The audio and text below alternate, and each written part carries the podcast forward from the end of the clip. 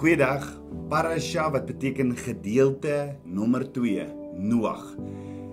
Vandag se onderwerp of tema gaan oor Noag het genade gevind.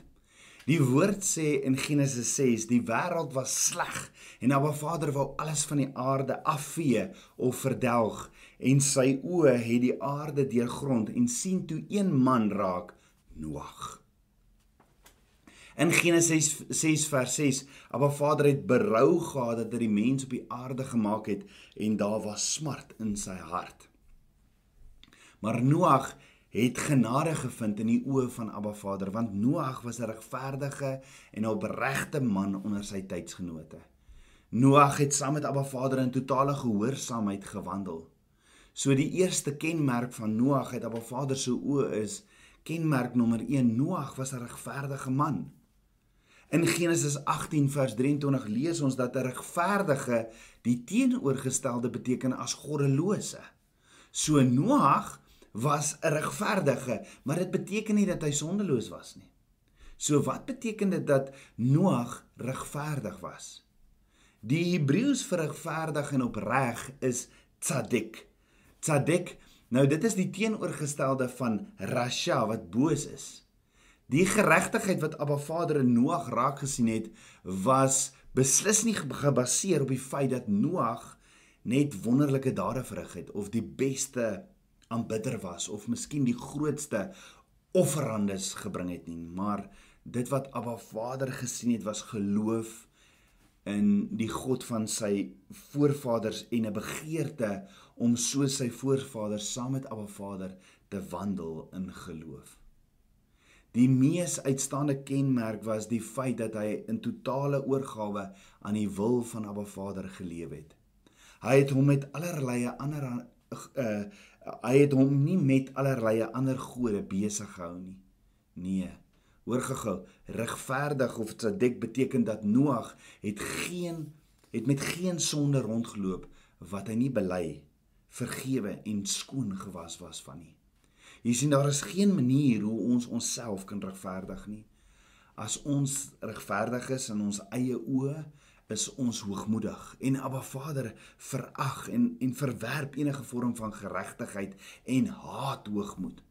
Nee, Abba Vader roep ons na na 'n intieme verhouding met hom waar ons hom onderdanig en gehoorsaam is in alles. So toe Abba Vader gesê het Noag is 'n regverdige man, was dit nie gebaseer op enige groot dade wat Noag gedoen het of groot offers wat Noag gebring het nie. Nee. Nee, gehoorsaamheid is beter as enige offer. Dit was ook nie op grond van hoe passievol Noag gebid het of met watter gawes hy geseën was nie. Nee. Nee, geregtigheid vir Noag en vir ons is te vind in 'n vertroue op ons Skepper se goedheid en genade. Geregtigheid is 'n oorgawe aan Abba Vader se wil vir jou lewe om sy stem te hoor. Geregtigheid is om sy stem te shema wat beteken om sy stem te hear, listen en obey. Geregtigheid is om in verbond met Abba Vader te leef. Geregtigheid is om in jou wandel opreg te leef volgens sy woord. Nou Noag het 'n boodskap van berou aan 'n goddelose en 'n oorspellige geslag verkondig.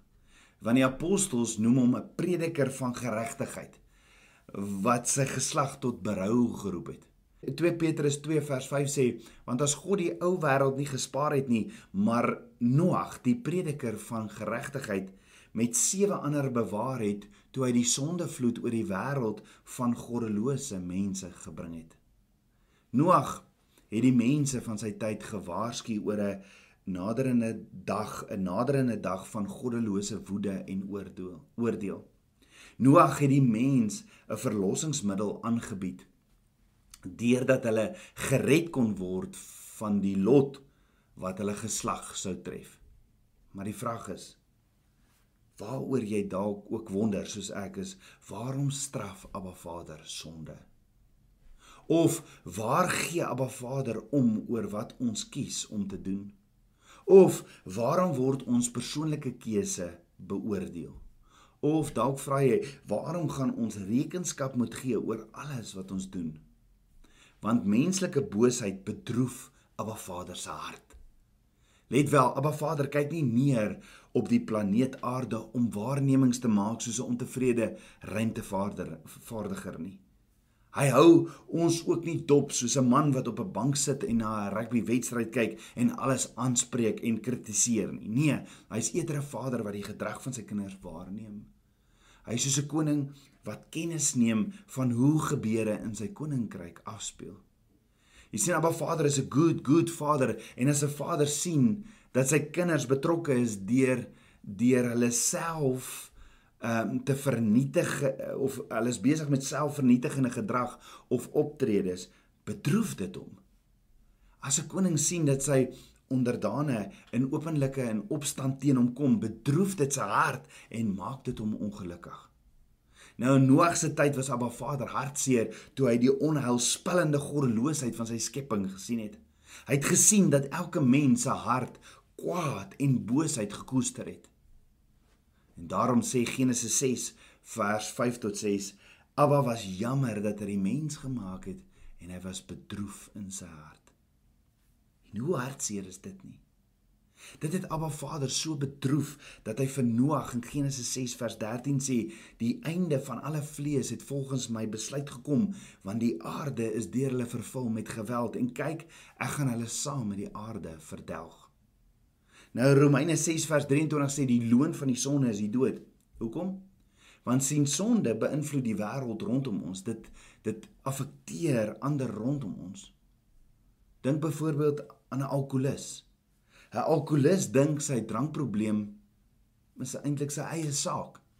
Maar as hy sy vrou en kinders mishandel, is dit sy familie se probleem. As hy nie by die werk perform nie, is sy werkgewer, is dit sy werkgewer se probleem.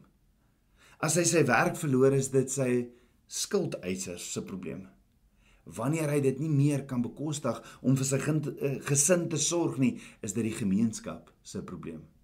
Want sien ons sondes raak die lewens van almal rondom ons aan. Dit besoedel die geestelike omgewing van ons wêreld. Jy sien die mens is van nature 'n selfsugtige wese.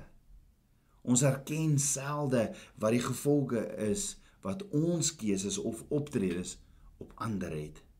En in die dae van Noag het, het niemand tot stilstand gekom en besef hulle sondes benadeel die hele aarde, die hele mensdom nie. En elke keer as ons son, sondig, hoe privaat en hoe persoonlik ook al, dit dra by tot die vernietiging van hierdie wêreld. So die loon van die sonde is die dood, want vir Abba Vader is dit onregverdig om sonde ongestraf te laat. So dink daaraan. Veronderstel daar was 'n moord verhoor. Die beskuldige is skuldig bewys. En die jury het 'n afspraak van skuld gelewer. Maar die regter wat vriendelik en sagmoedig was, het die uitspraak tersyde gestel en gesê: "Wel, die arme man Hy's waarskynlik jammer. En ek dink nie ons behoort of moet hom straf nie. Hoe sal almal reageer? Almal sal woedend wees oor die dwaasheid van die ongeregtige uitspraak dan nie? Maar hoekom wil mense Abba Vader so voorstel? Ons hou nie daarvan om aan Abba Vader te dink as 'n God wat oordeel nie. En dis iets waaroor daar glad nie mee gepreek word nie. En is amper asof ons net wil hê Abba Vader moet ander kant toe kyk, soos 'n vriendelike oupa wat 'n oog knip vir die verkeerde dade van sy kleinkinders. En die woord sê in Psalm 89 vers 14 tot 15: U het 'n arm met mag, u hand is sterk, u regterhand verhewe. Geregtigheid en reg is die grondslag van u troon. Goedertierenheid en trou gaan voor u aangesig. Met ander woorde, Abba Vader se koninkryk is gegrond op geregtigheid. Sy so aangesien die aangesien Abba Vader die standaard van geregtigheid is, kan hy nie onregverdig wees nie. En dit is die probleem met sonde. Dit wek oordeel. Nou in die dae van Noag was die sonde van die mensdom so groot dat geregtigheid geëis is dat Abba Vader daarteen moes optree. Ja, Abba Vader moes daarteen optree. En daarom het Abba Vader verkies om die wêreld te herstel of reg te maak. Ja, die wêreld was gebroken en het nodig gehad om geherstel of reggemaak te word. O, oh, leef ons nie in dieselfde tyd nie. Net so telkens wanneer ons inspann om goed te doen deur menslike lyding te verlig of om op te staan vir geregtigheid as ons vrede te midde van twis kies. As ons kies om reg te doen in plaas van verkeerd, stel ons die wêreld reg. Nou maak ons die wêreld 'n beter, godvrugtiger plek maak, herstel ons dit na Ba Vader se oorspronklike bedoeling. So hoekom nie die moontlike doen om ons land reg te stel nie? op te staan vir wat verkeerd is en die onmoontlike vir Abba Vader te gee nie, saam te bid en te intercede nie. Op die regte manier want 1 Petrus 3 vers 8 tot 12 sê en 1 Petrus 3 eh, vers 8 eh, tot 22 en uiteindelik wees almal eengesind, medelydend, vol broederliefde en ontferming, vriendelik. Vir geld geen kwaad met kwaad of skeldwoorde met skeldwoorde nie, maar seën inteendeel, omdat jy weet dat jy hier toe geroep is sodat jy seën kan beerwe. Want wie die lewe wil lief hê en goeie dade wil sien, moet sy tong bewaar vir wat verkeerd is en sy lippe dat hulle geen bedrog spreek nie. Hy moet afwyk van wat verkeerd is en doen wat goed is. Hy moet vrede soek en dit najag. Want die oë van Jahweh is op die regverdiges en sy ore tot hulle gebede, maar die aangesig van Jahweh is teen die kwaaddoeners. En dit bring ons by die tweede kenmerk van Noag uit. Abba Vader se oë. Kenmerk nommer 2, hierdie amazing kenmerke van Noag. Kenmerk nommer 2, Noag was onberusblik onder sy generasie. Die woord sê Noag was was onberusblik in Abba Vader se oë onder sy tydsgenote. Onberusblik in Hebreëus is die woordjie taman wat beteken heeltemal benut. Die Hebreëse prentjie wat geskets word vir die woordjie onberusblik is wanneer jy jou kar se petrolpedaal heeltemal plat trap, dan is jou en engine taman. Dan is die petrolpedaal tot volle optimaal benut. Met ander woorde, Noag het homself ten spyte van 'n verdorwe gemeenskap heeltemal beskikbaar gemaak aan Abba Vader. Noag het Abba Vader gedien en aanbid met sy hele hart, siel en krag. En het niemand anders nie. Hy het al hy het niks anders nie en al het niemand anders nie, het hy het hy Abba Vader aanbid in waarheid en gees. Jy sien Noag was regverdig in Abba Vader se oë ten spyte van wat mense sê en hoe sleg die mense ook al was. Soveel so dat Abba Vader hulle van die aarde wou afvee en Noag het hom heeltemal beskikbaar gestel aan Abba Vader. Noag het nie sy guns by mense gesoek om mense te behaag nie, maar sy guns by Abba Vader om hom te behaag. Ja Noag se petrolpedaal was tot volle optimaal benut vir Abba Vader se plan en droom vir sy lewe. Hy het Abba Vader gedien en aanbid met sy hele hart, siel en krag. Noag was ten volle toegewy in die opdrag en taak wat Abba Vader vir hom gehad het. Hoekom? Hoekom was Noag so toegewy en ongelooflik gehoorsaam? Omdat Noag 'n kinderlike geloof, 'n mosterdsaad geloof gehad het dat Abba Vader se wil, se droom, se woord altyd die beste vir hom was. Nie sy eie opinie of drome was vir Noag nie meer belangrik as Abba Vader se droom en plan vir sy lewe nie. Noag het aan Abba Vader se woord vasgekleef en het op Abba Vader se woord 'n ark gebou.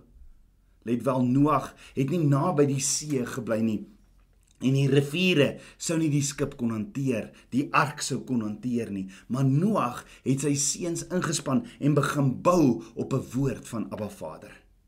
Vir bykans al 100 jaar het Noag en sy seuns 6 dae 'n week aan die ark gewerk terwyl hulle nog gedoen het wat nodig was om ook te oorleef. Nou kan jy dink wat 'n spotry is gemaak van Noag en sy seuns? Elke keer as die bure hulle gesien het of mense in die dorp het het hulle begin spot en terg oor Noag se simpel plan. Noag en sy familie het egter vasgehou aan Abba Vader en vir hom gesê eh, eh, wat Abba Vader vir hulle gesê het en hulle bure en almal probeer oortuig om reg te leef, maar niemand wou na Noag ten ten harte neem nie. Maar ten spyte van dit het Noag en sy familie Abba Vader geshema. Let wel Noag was nie perfek nie. Net Noag nee, nee Noag uh, Noag was glad nie perfek nie. Net Yeshua was perfek, maar Noag het 'n passie en energie gehad ten volle gebruik was wat ten volle gebruik was in sy verhouding met Abba Vader. Hy was petrolpedaal plat.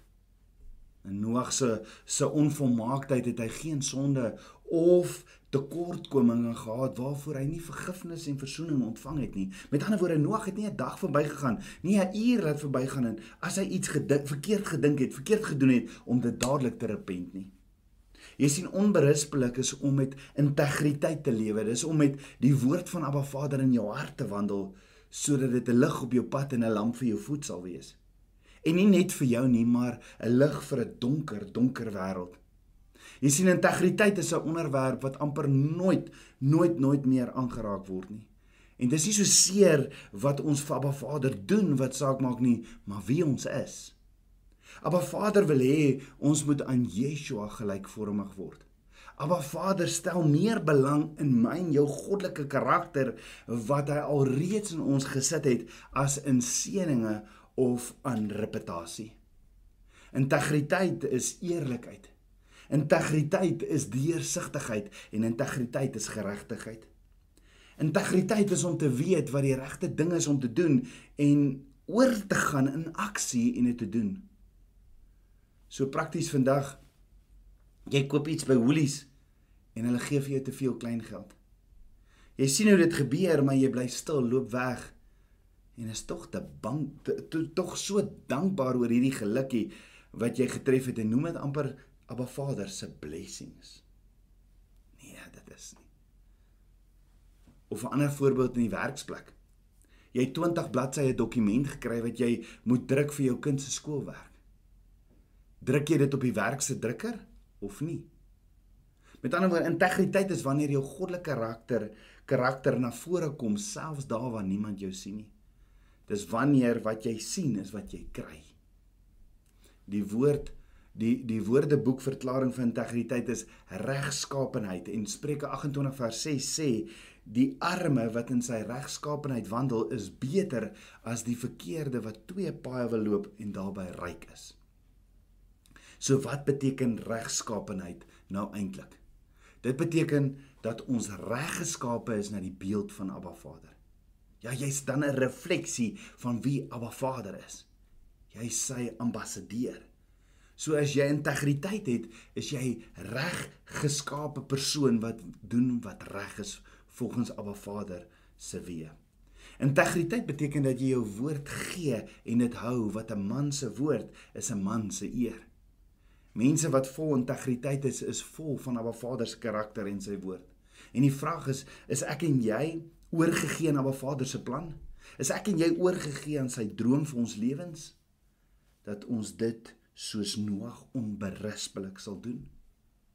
Dit bring ons by die derde kenmerk van Noag uit Abba Vader se oë is die kenmerk nommer 3 Noag het saam met Abba Vader gewandel in geloof soos wie soos sy oupa grootjie Henog.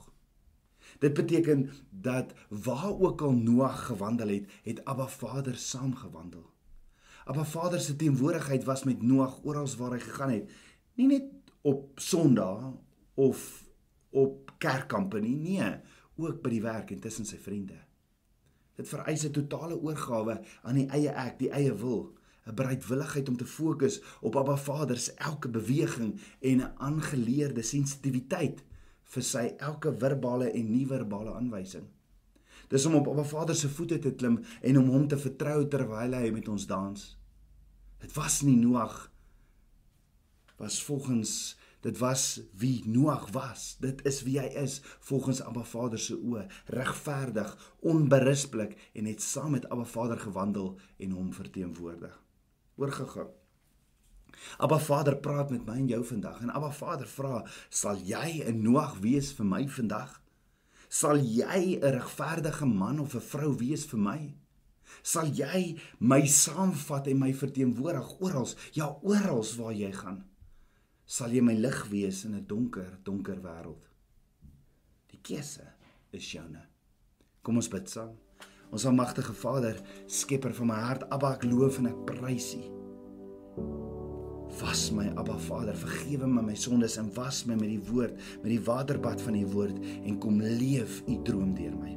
Abba, ek wil soos ek wil soos Noag 'n man wees wat U behaag Aba Vader, ek wil soos Noag regverdige man wees, onberispelik onder my generasie en ek wil saam met U hand aan hand, saam met U in intimiteit wil ek wandel. Ja, meer en meer van U, Abba. Ek bid dit alles in Yeshua, Hamasiach se naam, die seun van Jahweh. Amen. Shalom.